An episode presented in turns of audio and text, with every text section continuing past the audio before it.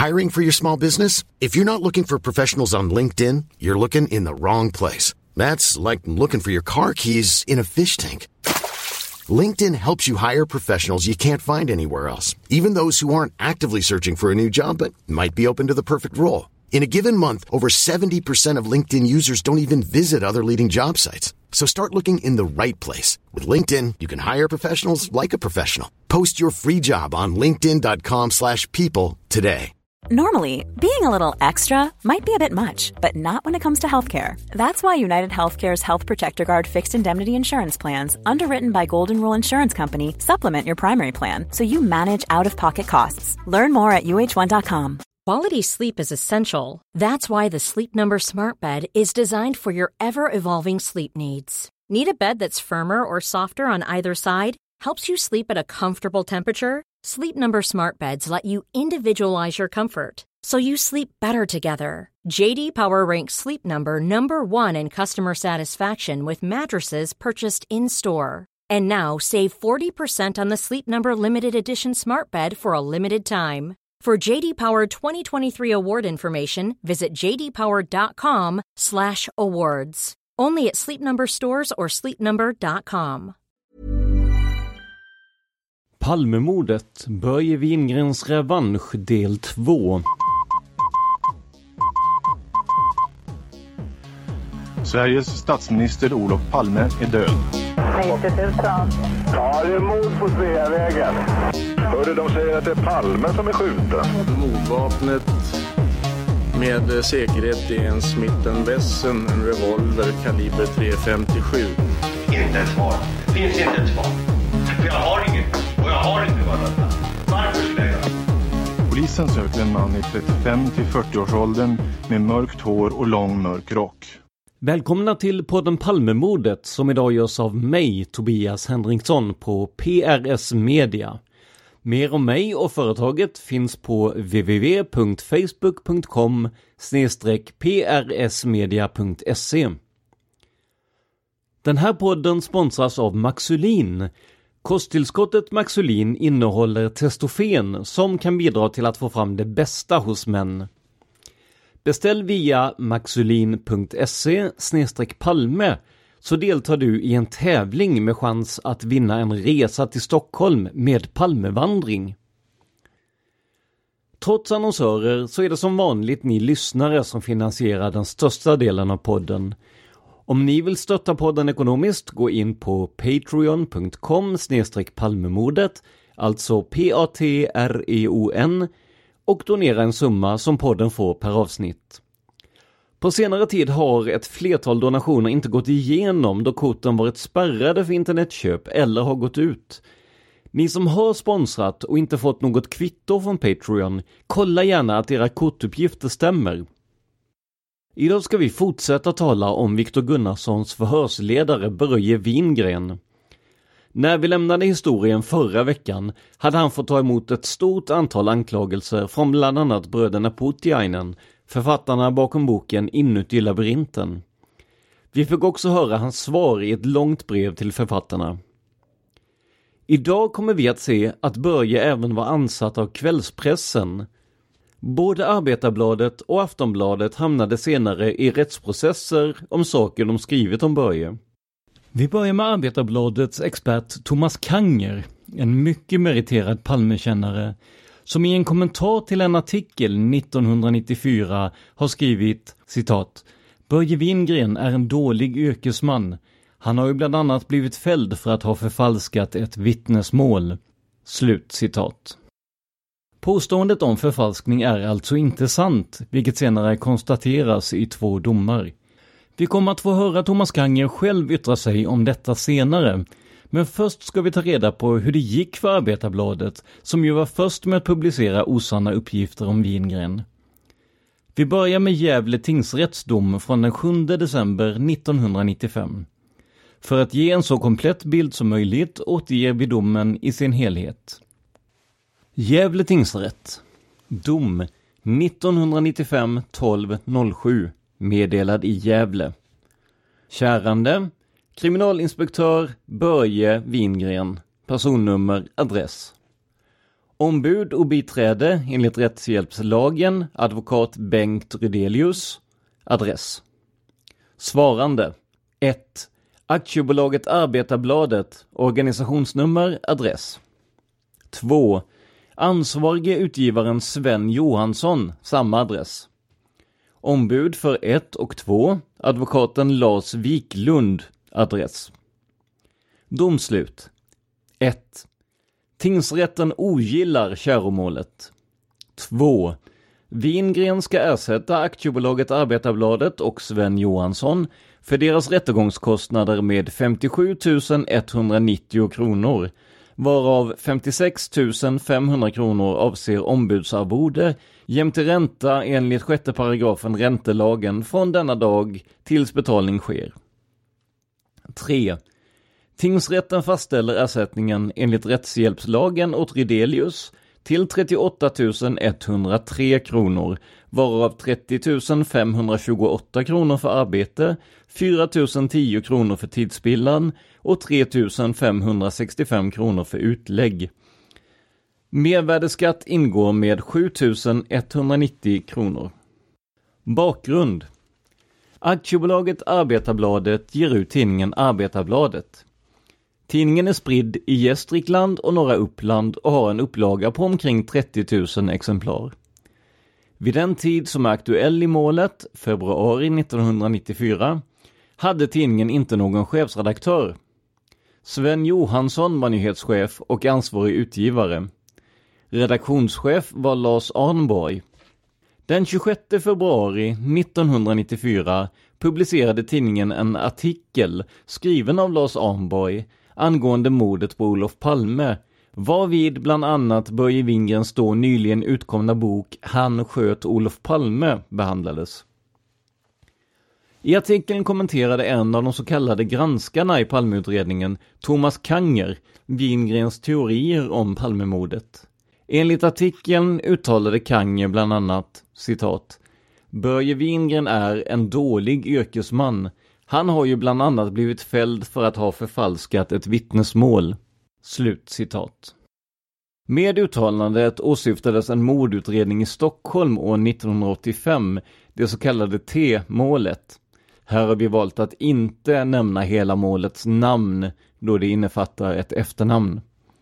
Där Wingren medverkade, bland annat som förhörsledare. I ett tilläggsprotokoll från förundersökningen i det målet, daterat den 17 oktober 1985, antecknade Wingren att den misstänktes, Åke T's sambo, Vivian B, berättat att Åke T kommit hem på morddagen och tagit av sig sin t-shirt, citat, som vid tillfället är kraftigt besudlad med blod, slut citat.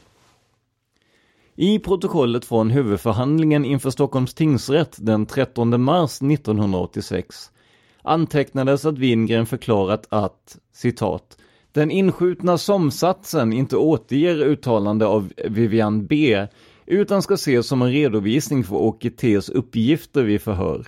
Slut citat.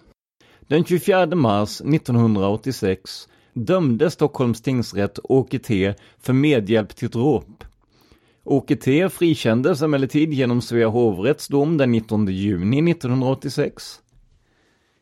I domskälen uttalade hovrätten bland annat citat Åklagaren har påstått att den tröja som Åke T tagit av sig när han kommit hem efter bussturen var blodig och han har i denna del åberopat att Åke T medgivit detta vid tidigare förhör.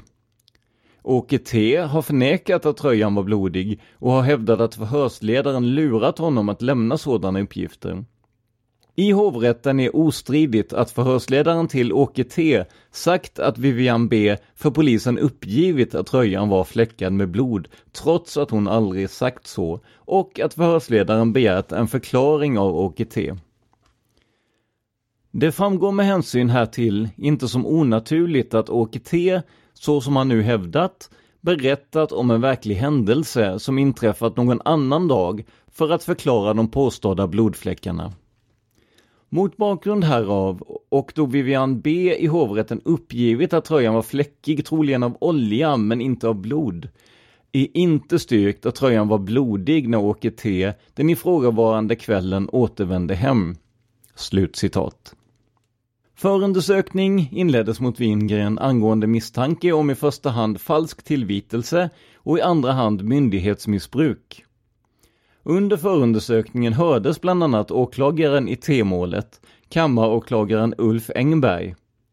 Enligt anteckningar från ett förhör den 26 september 1986 med tillägg den 6 oktober 1986 uttalade denne att han, citat, med största sannolikhet inte skulle ha åtalat Åke T i målet om inte uppgifterna om den blodiga tröjan tillkommit. Slut citat. I ett beslut den 26 mars 1987 nedlades förundersökningen mot Wingren då brott inte kunde styrkas. Yrkande med mera. Börje Wingren har yrkat att tingsrätten förpliktar aktiebolaget Arbetarbladet och ansvarige utgivaren Sven Johansson att solidariskt till honom utge skadestånd avseende ideell skada med 50 000 kronor jämte ränta enligt lag från dagen för delgivning av stämning den 15 juni 1994 till full betalning sker. Aktiebolaget Arbetarbladet och Sven Johansson har bestritt köromålet. Ränteyrkandet har vitsordats som skäligt i sig. Inget belopp har kunnat vitsordas. Parterna har fordrat ersättning för rättegångskostnader. Som grund för köromålet har Börje Wingren anfört att det i Arbetarbladets artikel återgivna uttalandet att han bland annat citat blivit fälld för att ha förfalskat ett vittnesmål, slut citat innebär förtal av honom och att han känt sig synnerligen kränkt av tidningens publicering av denna sanningslösa uppgift. Det har ålegat tidningen och utgivaren att närmare kontrollera Kangus uppgift och inte minst tillfråga honom hur det förhöll sig. Han har anledning att känna sig synnerligen kränkt, särskilt som reportaget innehöll bild av honom och han är känd i vida kretsar. Han har en mångårig och välmeriterad tjänst som kriminalinspektör och polisman bakom sig. Han har blivit utpekad för ett för en polisman allvarligt brott. Det har inte funnits någon skälig grund för uppgiften att han skulle ha förfalskat ett vittnesmål och skälig grund för uppgiften i artikeln har inte förelegat. Tidningens förfarande måste därför betraktas som stridande mot sjunde kapitlet, fjärde paragrafen, fjortonde stycket tryckfrihetsförordningen jämförd med femte kapitlet, första paragrafen brottsbalken. Som grund för bestridandet har aktiebolaget Arbetarbladet och Sven Johansson invänt att den påtalade uppgiften varken innefattar förtal eller grovt förtal. Mot bakgrund av det som inträffat i T-målet, Wingrens ställning i Palmeutredningen samt Wingrens mycket frispråkiga bok om Palmeutredningen och misstankarna mot den i ett skede misstänkte Viktor Gunnarsson var det försvarligt att lämna uppgift i saken. Uppgiften om att Wingren citat förfalskat ett vittnesmål, slutcitat, är sann. I vart fall har Arbetarbladet haft skälig grund för uppgiften. Domskäl Tingsrätten har hållit huvudförhandling i målet under medverkan av jury enligt bestämmelserna i 12 kapitlet tryckfrihetsförordningen och 9 kapitlet lagen 1991 kolon 1559 med föreskrifter på tryckfrihetsförordningens och yttrandefrihetsgrundlagens område. Vid huvudförhandlingen har de under bakgrund angivna handlingarna åberopats och föredragits. Förhör under sanningsförsäkran har hållits med Börje Wingren. På begäran av denne har kammaråklagare Ulf Engberg hört som vittne. Redaktionschefen Lars Arnborg har hört som vittne på begäran av svarandena. Sedan förhandlingen inför juryn blivit slutförd har tingsrätten ställt följande skriftliga fråga till juryn. Utgör det i Arbetarbladets artikel den 26 februari 1994 publicerande uttalandet av Thomas Kanger om Börje Wingren, citat, han har ju bland annat blivit fälld för att ha förfalskat ett vittnesmål, slutcitat. Brottslig gärning enligt bestämmelserna i sjunde kapitlet, fjärde paragrafen, fjortonde stycket tryckfrihetsförordningen jämfört med femte kapitlet, första paragrafen brottsbalken. Juryn har efter en enskild överläggning skriftligen besvarat den ställda frågan med ja. Juryn har således funnit att förtalsbrott föreligger. Tingsrätten ska därför enligt bestämmelserna i 12 kapitlet andra paragrafen andra stycket tryckfrihetsförordningen pröva frågan härom. Tingsrätten gör därvid följande överväganden. Det är ostridligt att Arbetarbladet publicerat uttalandet att Börje Wingren citat blivit fälld för att ha förfalskat ett vittnesmål. Slut citat. Uttalandet innebär att Wingren utpekas som skyldig till ett allvarligt brott. Det innefattar därför i och för sig sådant förtal som avses i sjunde kapitlet, fjärde paragrafen, fjortonde stycket tryckfrihetsförordningen jämfört med femte kapitlet, första paragrafen brottsbalken.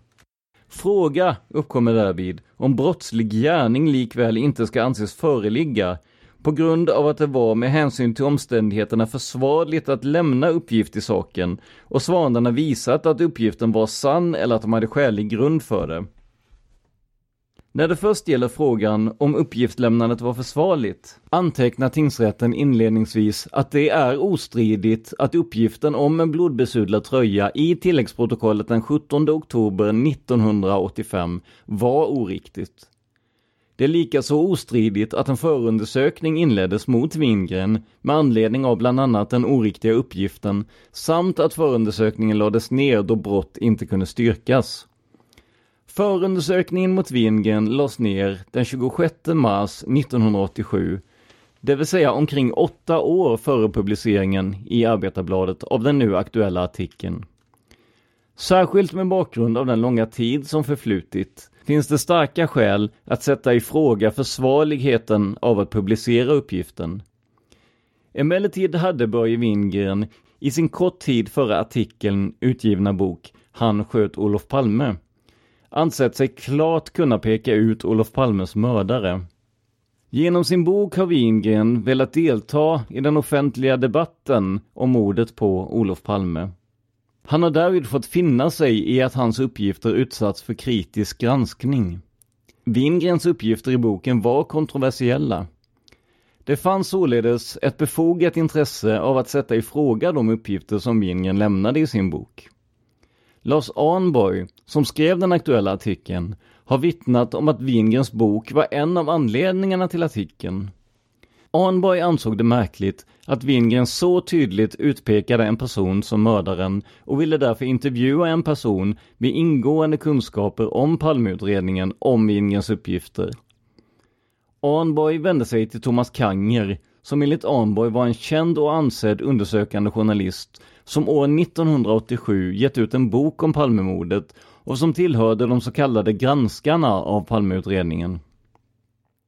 Kanger uppgav att Wingren var ökänd i poliskretsar och sade, enligt Arnborgs anteckningar från intervjun, att Wingren var citat fälld för att ha förfalskat vittnesmål. Slut citat.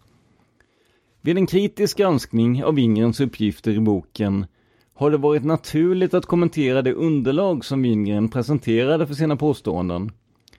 Lika naturligt har det varit att kommentera Wingrens yrkeskunnande, kvalifikationer och kompetens för att uttala sig i saken.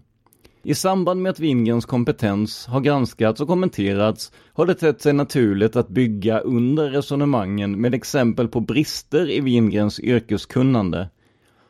Mot den nu angivna bakgrunden framstår det som försvarligt att, trots den långa tid som förflutit, publicera uppgifter om de brister som uppenbarligen vidlådde vissa delar av den utredning som Börje Wingren gjorde i T-målet.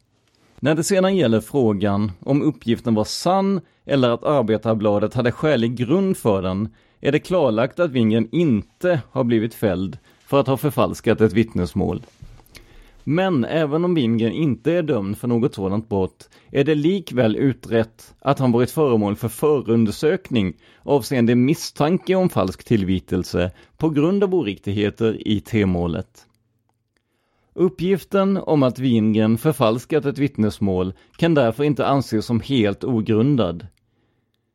Med en strikt juridisk tolkning är uppgiften visserligen inte korrekt, det får ibland accepteras att en uppgift förenklas och spetsas till i det journalistiska arbetet.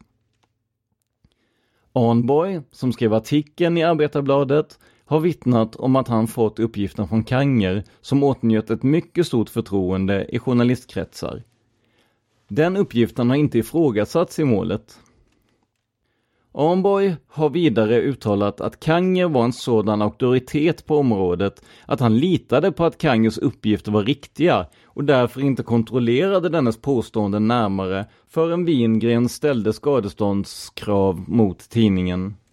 Med beaktande av att en förundersökning faktiskt inletts mot Wingren och det anseende som Kanger åtnjöt finner tingsrätten det visat att Arbetarbladet haft skälig grund för uppgiften. Tingsrätten har således funnit att det med hänsyn till omständigheterna var försvarligt att Arbetarbladet lämnade uppgiften att Wingren var fälld för att ha förfalskat ett vittnesmål samt att Arbetarbladet har visat att tidningen hade skälig grund för uppgiften. Kärmålet ska därför ogillas. Skäl att med stöd av 10 kapitlet 4 paragrafen lagen 1991 kolon 1559 om föreskrifter på tryckfrihetsförordningens och yttrandefrihetsgrundlagens område förordar att vardera parten ska stå sina egna rättegångskostnader föreligger inte. Wingren ska således, med hänsyn till utgången i huvudsaken, ersätta Arbetarbladet och Johansson för rättegångskostnader. Anspråket är skäligt. Därefter följer anvisning för överklagande som vi inte behöver gå in på. Och allt det här är undertecknat av Karl Axel Blad, Håkan Wiberg och Lilian Wiklund i Gävle tingsrätt. Här lämnar vi tingsrättens dom. Det blir mycket formalia och laghänvisningar, men grovt förenklat kan man säga att de uppgifter som publicerades visserligen var felaktiga, men att det var försvarligt att återge dessa då de låg tillräckligt nära verkligheten för att godkännas. Därför frias Arbetarbladet och Wingren får stå för samtliga kostnader. Nu är det läge att stanna upp och tänka efter ett ögonblick. Thomas Kanger är mycket kunnig om ämnet Palmemordet och har oftast rätt vad gäller sakuppgifter. Vad var det då som fick honom att delge så uppenbart felaktiga uppgifter? Jag skickade ett mejl till honom med just denna fråga och fick svar i stort sett med vändande post. Så här skriver han. Citat. Om det står i domarna att jag skrivit ett uttalande i samband med artikeln är det helt fel. Någon skriven kommentar har jag aldrig lämnat till Arbetarbladet och om en sådan finns i tidningen är det en ren förfalskning. Vad som hände var följande. Redaktören för Arbetarbladet ringde mig och frågade om något som gällde Gunnarsson och Wingren. I samtalet, som inte var en intervju, nämnde jag att jag hört om det förfalskade vittnesmålet. Jag sa till redaktören att detta bara var ett rykte. Jag hade ingen egen kunskap om saken och att han måste kolla saken själv. Just det sista underströk jag tydligt. Långt senare fick jag veta att Wingren stämt Arbetarbladets ansvarige utgivare för förtal med hänvisning till denna uppgift. Jag trodde fram till nu, när du nu skriver till mig, att redaktören citerat mig och använt mig felaktigt som källa, vilket jag alltså inte var. Snarare handlade det om att tipsa honom om ett möjligt sakförhållande, sånt som journalister alltid gör. Artikeln i fråga har jag aldrig sett. Om det nu är så att Arbetarbladet använt mitt tips till att förfalska en skriven kommentar i mitt namn, är det förstås ännu värre men för sent att göra något åt nu. Slut citat.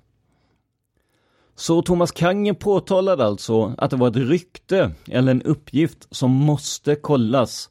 Detta skrev han dessutom versalt i mejlet till mig. Men i domen som vi läste upp tidigare anges han som källa och expert. Det är såklart olyckligt, inte minst för Kange själv, som på felaktiga grunder drogs in i ett tryckfrihetsmål.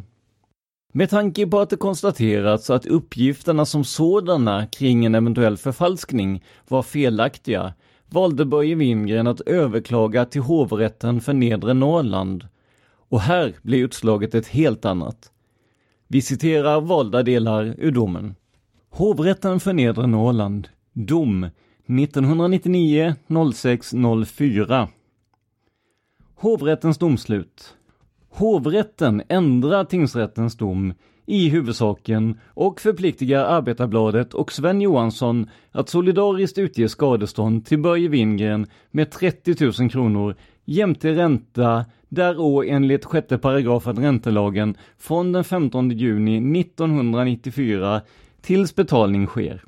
Hovrätten ändrar vidare tingsrättens dom i fråga om rättegångskostnader och befriar Börje Wingren från skyldighet att ersätta Arbetarbladet och Sven Johansson deras rättegångskostnader vid tingsrätten samt ålägger istället Arbetarbladet och Sven Johansson att solidariskt svara för Börje Wingrens rättshjälpskostnader vid tingsrätten, 38 103 kronor, enligt den närmare fördelning som Rättshjälpsmyndigheten bestämmer. Hovrätten fastställer ersättningen enligt rättshjälpslagen till Bengt Rydelius till 26 425 kronor, varav 8 424 kronor avser arbete. Det åligger Arbetarbladet och Sven Johansson att utge ersättning för Börje Wingrens rättshjälpskostnader i hovrätten, 31 120 kronor, enligt den närmare fördelning som Rättshjälpsmyndigheten bestämmer. Hovrättens domskäl Parterna har i hovrätten åberopat samma grunder och anfört i all väsentligt samma omständigheter som antecknas i tingsrättens dom. I hovrätten har förebringats samma utredning som i tingsrätten, varvid förnyat förhör under sanningsförsäkran hållits med Börje Wingren och förnyat vittnesförhör med Ulf Engberg. Vittnesförhör vid tingsrätten med Lars Arnborg har förebringats genom banduppspelning. De i hovrätten hörda personerna har lämnat uppgifter som i allt väsentligt överensstämmer med deras berättelser vid tingsrätten. Så som tingsrätten funnit innebär uttalandet att Börje Wingren, citat, blivit fälld för att ha förfalskat ett vittnesmål, slutcitat, att denna utpekats som skyldig till ett allvarligt brott och uttalandet framstår därmed som kränkande för Börje Wingren. Vid bedömande av frågan om det varit försvarligt att i artikeln inta en uppgift av angivet innehåll ska en avvägning ske mellan å ena sidan det allmänna intresset av publiceringen, tryckfrihetsintresset, och å andra sidan intresset av att skydda den enskilde mot kränkande uttalanden. Med hänsyn till att Börje Wingren, som i sin tjänst arbetat med förundersökningen avseende mordet på Olof Palme, utgivit en omstridd bok i vilken han utpekat en avliden person som den som mördat Olof Palme, har det enligt hovrättens bedömning förelegat ett så starkt allmänintresse av att lämna uppgifter av förevarande innehåll angående Börje Wingrens person, att detta måste anses ta över den enskildes berättigade krav på skydd mot kränkande uttalanden. Det har därför varit försvarligt att lämna uppgift i saken. Vad sedan frågan om uppgiften var sann finner hovrätten att det som framkommit i fråga om Börje Wingrens handlande i samband med det så kallade T-målet och vad som blev följden av detta, inte ens med användande av ett mera fritt språk How would you like to look five years younger? In a clinical study, people that had volume added with Juvederm Voluma XC in the cheeks perceived themselves as looking five years younger at six months after treatment. Look younger, feel like you. Add volume for lift and contour in the cheeks with Juvederm Voluma XC. Reverse signs of aging by adding volume to smooth laugh lines with Juvederm Volure XC. For important safety information and to find a licensed specialist, visit juvederm.com. That's J U V E D E R M.com. Not for people with severe allergic reactions, allergies to lidocaine, or the proteins used in Juvederm. Common side effects include injection site redness, swelling, pain, tenderness, firmness, lumps, bumps, bruising, discoloration, or itching. There's a risk of unintentional injection into a blood vessel, which can cause vision abnormalities, blindness, stroke, temporary scabs, or scarring. Talk to a licensed specialist to find out if it's right for you. Quality sleep is essential. That's why the Sleep Number Smart Bed is designed for your ever evolving sleep needs. Need a bed that's firmer or softer on either side? Helps you sleep at a comfortable temperature? Sleep Number Smart Beds let you individualize your comfort so you sleep better together. JD Power ranks Sleep Number number 1 in customer satisfaction with mattresses purchased in-store. And now save 40% on the Sleep Number limited edition Smart Bed for a limited time. For JD Power 2023 award information, visit jdpower.com/awards. Only at Sleep Number stores or sleepnumber.com. Hiring for your small business? If you're not looking for professionals on LinkedIn, you're looking in the wrong place. That's like looking for your car keys in a fish tank. LinkedIn helps you hire professionals you can't find anywhere else, even those who aren't actively searching for a new job but might be open to the perfect role. In a given month, over 70% of LinkedIn users don't even visit other leading job sites. So start looking in the right place. With LinkedIn, you can hire professionals like a professional. Post your free job on linkedin.com slash people today. Språkbruk kan beskrivas som att han fällts för förfalskning av ett vittnesmål. Uppgiften därom är således inte sann. Frågan om skälig grund förelegat för uppgiften ska bedömas utifrån de förhållanden som var kända för uppgiftslämnaren vid den tidpunkt då uppgifterna lämnades. Det ska vidare beaktas om skäliga kontrollåtgärder vidtagits. Av Lars Arnborgs vittnesmål framgår att denne inför den artikel han bestämt sig för att skriva istället för den bokanmälan han från början avsett att göra vänt sig till Thomas Kanger som enligt vad Lars Arnborg uppgivit var mycket ansedd journalist och också känd för att ha skrivit de mest tillförlitliga böckerna om mordet på Olof Palme. Det framgår vidare att han mot bakgrund av Thomas Kangers kvalifikationer på området och det förtroende som denne åtnjöt i journalistkretsar inte ansåg sig ha anledning att kontrollera uppgiften att Börje Wingren fällts för förfalskning. Av vad Lars Arnborg uppgivit framgår att den av Thomas Kangen lämnade uppgiften publicerats utan att några åtgärder vidtagits för att kontrollera dess riktighet. Fråga har inte varit om någon brådskande nyhetsförmedling, utan snarare om någon form av så kallad undersökande journalistik. Så vitt framkommit har det inte mött några särskilda svårigheter att göra ett försök att kontrollera riktigheten av Thomas Kangers påstående. Härtill kan läggas att uppgiften i sig att en namngiven polisman fällts för förfalskningsbrott innefattar en beskyllning av allvarlig beskaffenhet och att den, även sedd i sitt sammanhang, framstår som tämligen uppseendeväckande. Mot bakgrund av främst nu nämnda omständigheter finner hovrätten att någon åtgärd för kontroll av uppgiften rimligen borde ha förekommit innan den publicerades. Denna bedömning rubbas inte av det förhållandet att hovrätten vid sina överväganden inte har att utgå från annat än att Thomas Kanger åtnjöt ett mycket stort förtroende i journalistkretsar och av Lars Arnborg uppfattats som en auktoritet i fråga om utredningen av mordet på Olof Palme. Med hänsyn till det anförda kan skälig grund för den osanna uppgiften inte anses ha förelegat. Vad ovan upptagits medför att uppgiften om att Börje Wingren citat, blivit fälld för att ha förfalskat ett vittnesmål, slutcitat, innefattar tryckfrihetsbrott. Det saknas fog för att ifrågasätta att publiceringen av uppgiften, så som Börje Wingren har gjort gällande, medfört psykiskt lidande för honom. Han är följaktligen berättigad till skadestånd. Hovrätten finner att skadeståndet skäligen bör bestämmas till 30 000 kronor. På skadeståndsbeloppet ska utgå ränta i enlighet med Arbetarbladets och Sven Johanssons vitsordanden. Vid denna utgång i huvudsaken ska Börje Wingren befrias från skyldighet att utge ersättning för motpartens rättegångskostnader vid tingsrätten.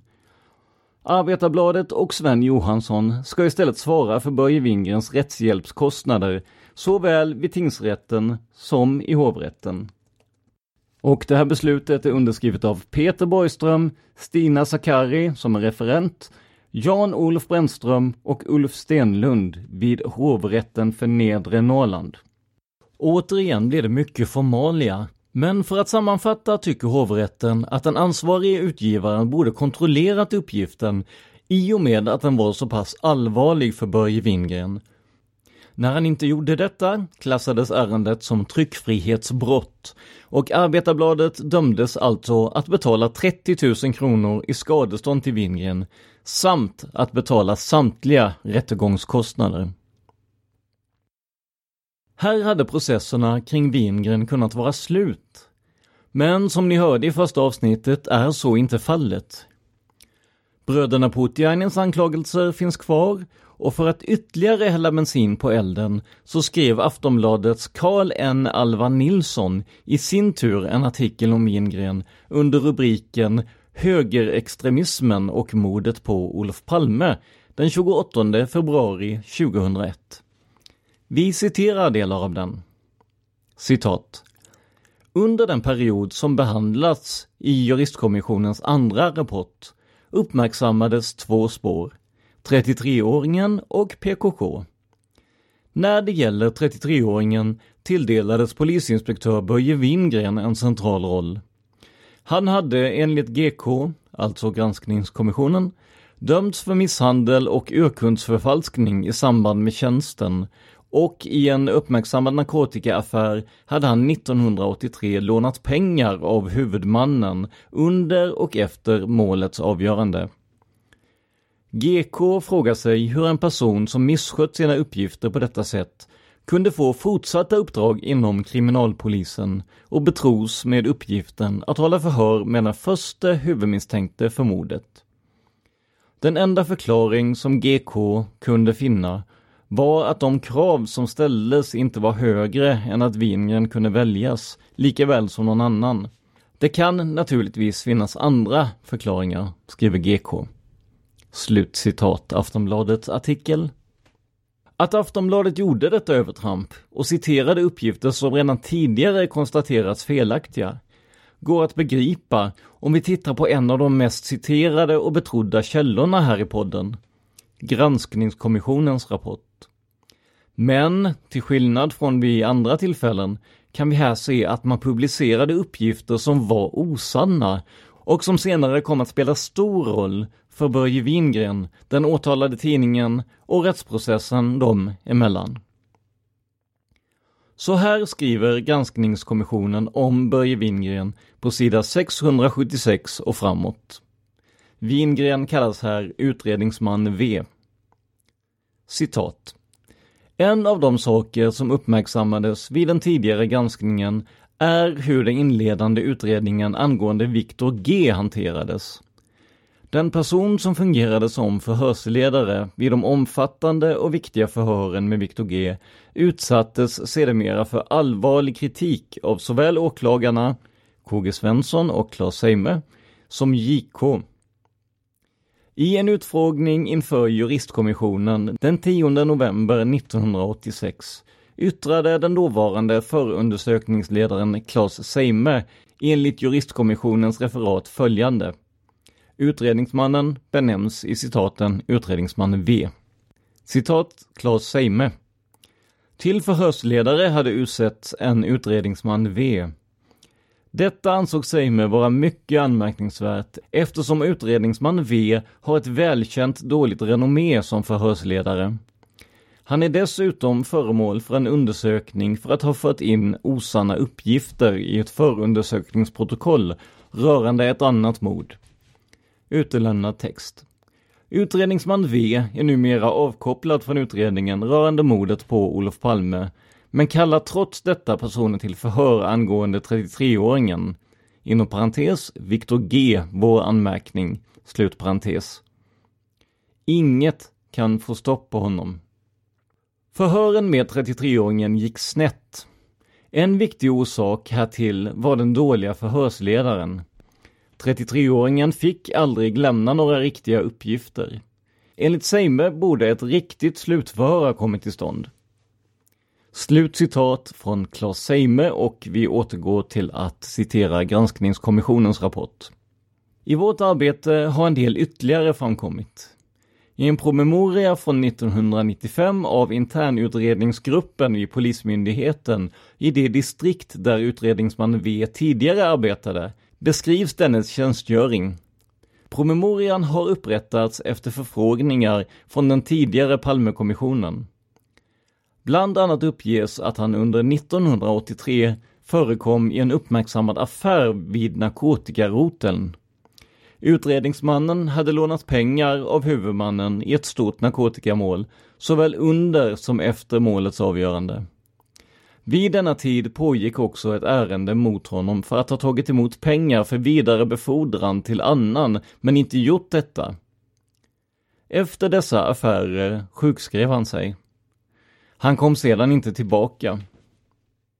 Nämnas bör också att utredningsmannen enligt internutredningsgruppen tidigare hade dömts för misshandel och urkundsförfalskning i samband med tjänsten. Vi har ställt oss frågan varför en person som misskött sitt uppdrag på detta sätt överhuvudtaget kunnat få fortsatta uppdrag inom kriminalpolisen. Framför allt undrar vi hur det kommer sig att en person med denna bakgrund kom att betros med en så viktig uppgift som förhören med den första huvudmisstänkta för mordet på Olof Palme. Utredningsmannen tjänstgjorde vid tiden för mordet på Stockholmspolisens våldsrotel.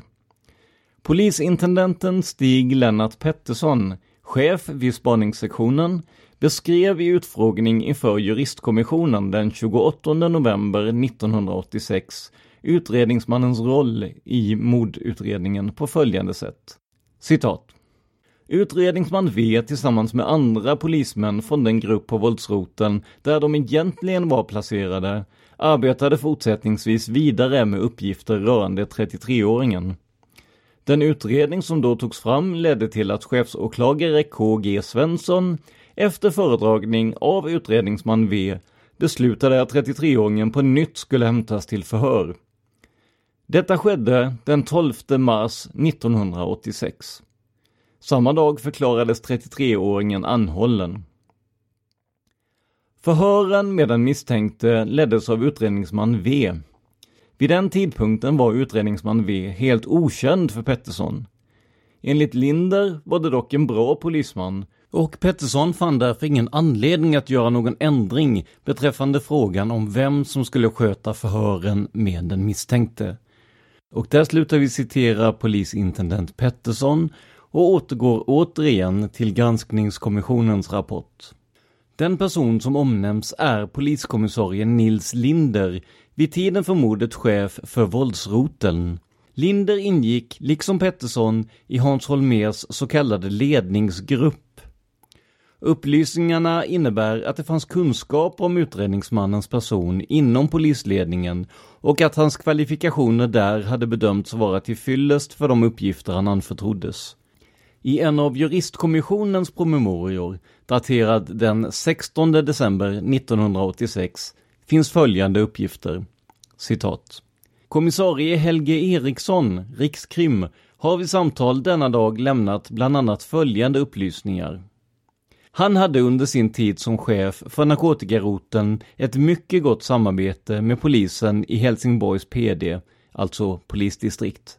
Genom de kontakter som han då knöt fick han vissa upplysningar rörande utredningsman V, det vill säga man varnade helt enkelt för den mannen. Detta skedde i anslutning till att utredningsman V sökte anställning vid polisen i Stockholm. E. Eriksson, vår anmärkning, tog därvid kontakt med Wranghult och polisintendent Torsten Jönsson och informerade dessa om vad som upplysts beträffande utredningsman V. I och med att utredningsman V senare fick anställning i Stockholm var det tal om att placera honom på narkotikaroteln. E vägrade emellertid att ta emot honom. Utredningsman V placerades då på våldsroteln. E informerade David Linder om vad som hade upplysts om utredningsman V. Denna information från E's sida lämnades således lång tid innan mordet på Olof Palme. Vi slutar citera juristkommissionen, som alltså är en annan kommission än nu nämnda granskningskommissionen. Vi fortsätter med granskningskommissionens rapport om Börje Wingren. Dessa uppgifter bekräftar att de omständigheter som gjorde den aktuelle utredningsmannen olämplig var kända inom utredningsorganisationen. Hur det kommer sig att han likväl anförtroddes uppgiften att hålla förhör i Viktor G-delen har vi, alltså granskningskommissionen, inte kunnat utröna. Utredningen utsatte sig i alla händelser härmed för risken att eh, dess arbete skulle kunna misstänkliggöras. Den öppnade sig i praktiken för beskyllningar om att utredningen citat riggades slutcitat eftersom det var handlingar av sådant slag som den aktuella utredningsmannen sedan tidigare gjort sig omtalad för. Utvecklingen kom sedan att visa att hans agerande som förhörsledare för Viktor G allvarligt kunde ifrågasättas.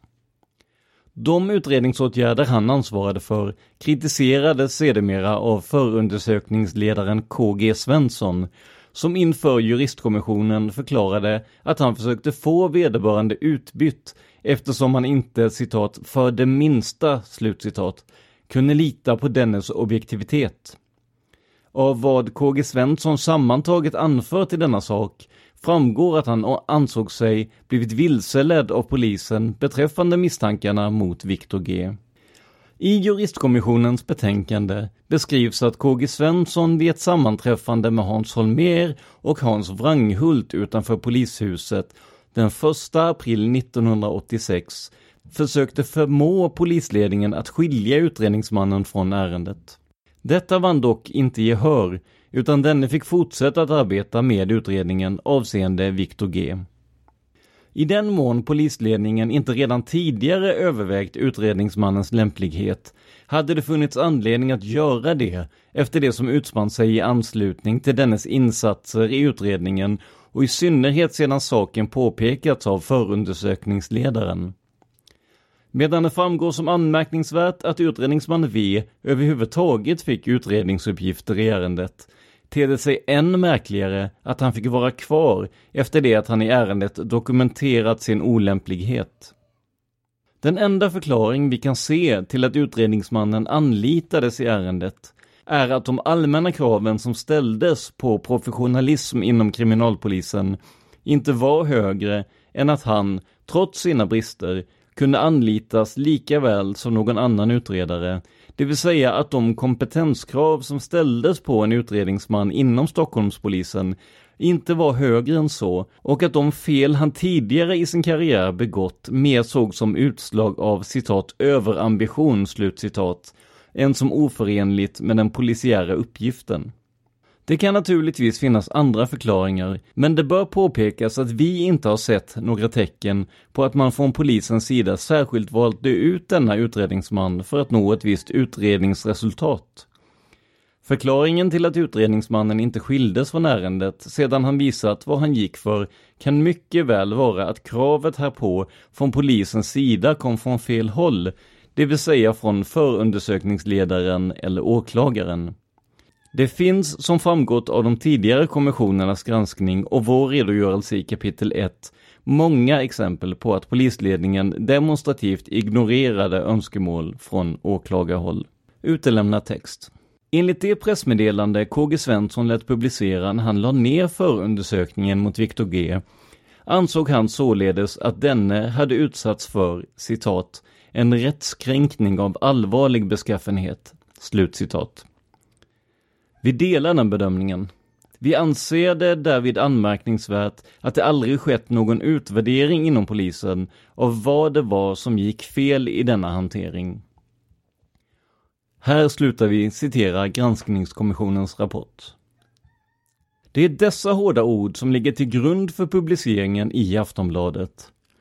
Och redan här blir det ju såklart komplicerat Aftonbladet hade ju bara återgett ett stycke ur en officiell rapport beställd av svenska staten. Ska man inte kunna lita på vad som står i en sådan?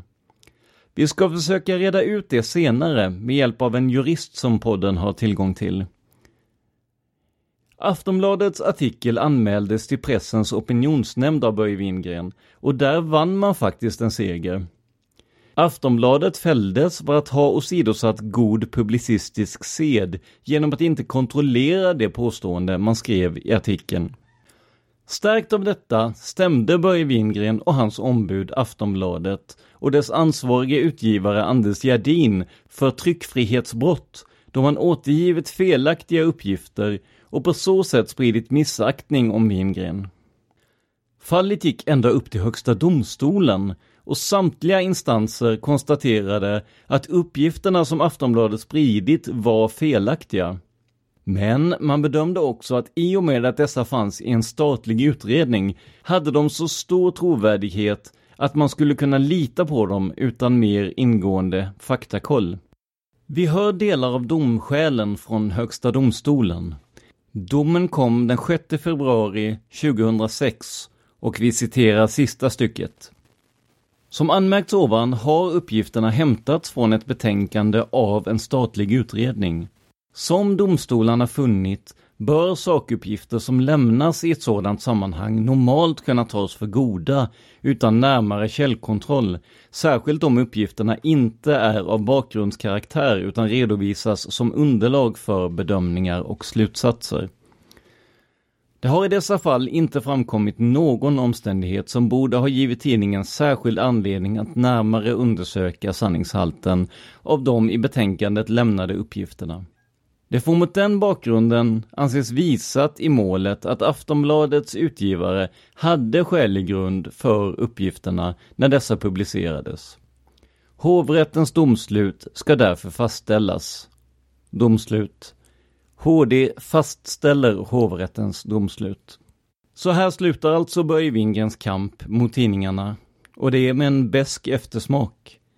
För trots att man i tre domstolar konstaterat att uppgifterna som publicerades var felaktiga var det försvarligt att publicera dem med tanke på att de fanns i en statlig utredning.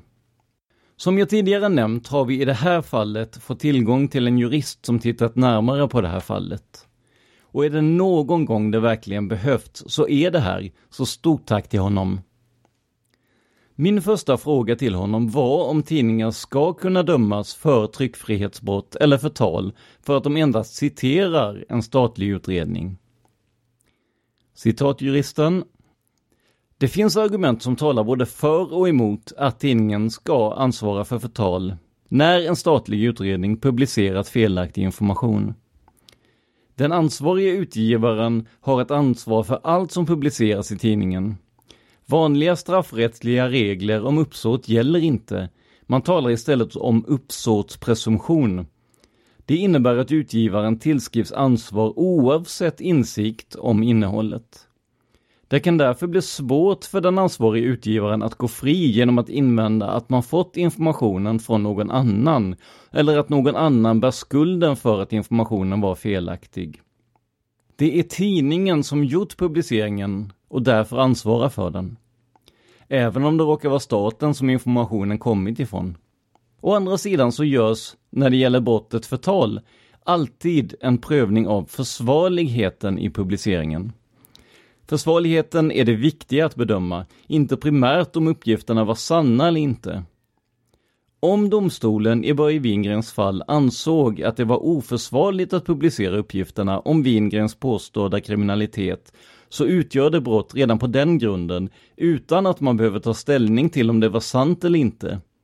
Det räcker alltså att konstatera att tidningen gjort en oförsvarlig publicering och då har det ingen betydelse att granskningskommissionen ursprungligen spridit uppgifterna eller vilka skäl tidningen hade att tro på uppgifterna. Om domstolen däremot ansåg att det var försvarligt att publicera uppgifterna så sker prövningen i ett ytterligare steg. Då måste man också pröva om uppgifterna var sanna eller om det fanns skälig grund för dem. I detta fall, om utgivaren då invänder att uppgifterna härstammar från en statlig utredning, så finns det kanske åtminstone skälig grund för uppgifterna, om de inte är sanna. Det skulle kunna göra publiceringen tillåten. Slut citat. Så det stämmer ju väl med vad som faktiskt står i domen. Det var försvarligt att publicera uppgifterna, även om de var felaktiga. Men uppgifterna i sig hade annars kunnat utgöra förtal eller tryckfrihetsbrott. Min andra fråga gällde huruvida Börje Wingren skulle kunna stämma staten eller liknande eftersom hans namn oriktigt dragits i smutsen i en statlig utredning. Och det här tycker till och med vår jurist är en knepig fråga. Citat. Först av allt måste man besvara vilken slags skada Börje Wingren lidit och vad för skadeståndsgrund som kan åberopas. Personskada, sakskada eller ren förmögenhetsskada är det inte. Men kränkningsersättning kan bli aktuellt. I så fall är skadeståndsgrunden brott. Brottet förtal helt enkelt, som kan ge kränkningsersättning enligt skadeståndslagen. En enskild person måste därefter utpekas som brottslig. Att utpeka staten som helhet som brottslig räcker inte. Hypotetiskt skulle man kunna finna någon ledamot av granskningskommissionen att utpeka. Därtill kommer att en arbetsgivare som utgångspunkt har ansvar för sina arbetstagare om de begår en skadeståndsgrundande handling i tjänsten. Det gör att om en anställd inom staten begår ett brott så kan arbetsgivaren, det vill säga staten, få skadeståndsansvaret. Det skulle nog vara en process förenad med stora svårigheter att driva. Kanske också att dubbla processer krävs, en mot individen, en mot staten. Hur som helst bör ett sådant krav vara preskriberat idag. Slut citat från juristen. Slutligen, hur gick det då i det mål vi började med, där bröderna Puutiainen gick hårt åt Börje Wingren i sin bok Inuti labyrinten? Faktum är att det aldrig blev något mål av det. Det arga brev som vi refererade i förra avsnittet blev aldrig besvarat. Citat. Vi ignorerade det och hörde inget mer från honom, slutcitat, skriver Pertti Puotiainen i ett sms till podden. Med detta lämnar vi Börje Wingren med konstaterandet att hans revansch blev ungefär som hans arbete som polis. Det hade goda avsikter, men slutade sedermera i kaos och personlig förödelse för såväl honom själv som Viktor Gunnarsson. Palmemordet finns på facebook.com palmemordet. Gå gärna in där och gilla vår sida och kommentera det här eller andra avsnitt. Vi finns också på Youtube. Bara sök på Palmemordet. Det här avsnittet gjordes av mig, Tobias Henriksson, på PRS Media. För mer information om mig och företaget, gå in på facebook.com prsmedia.se. Och vi vill också tacka juristen Niklas, som inte vill omnämnas med efternamn, som gett oss värdefull feedback på rättsfallen i de här avsnitten. Tack för att ni lyssnar på podden Palmemordet. Man hittar Palmes mördare om man följer PKK-spåret till botten. För att ända sedan Julius Caesars tid har det aldrig hört talas om ett mord på en framstående politiker som inte har politiska skäl. Polisens och åklagarens teori var att han ensam hade skjutit Olof Palme. Och det ledde också till rättegång men han frikändes i hovrätten. Nu ska vi ut och röva, Stråtiga. Vi ska ut och röva. Hey, it's Paige DeSorbo from Giggly Squad. High quality fashion without the price tag. Say hello to Quince. I'm snagging high-end essentials like cozy cashmere sweaters, sleek leather jackets, fine jewelry, and so much more. With Quince being 50 to 80% less than similar brands. And they partner with factories that prioritize safe ethical and responsible manufacturing. I love that. Luxury quality within reach. Go to quince.com slash style to get free shipping and 365 day returns on your next order.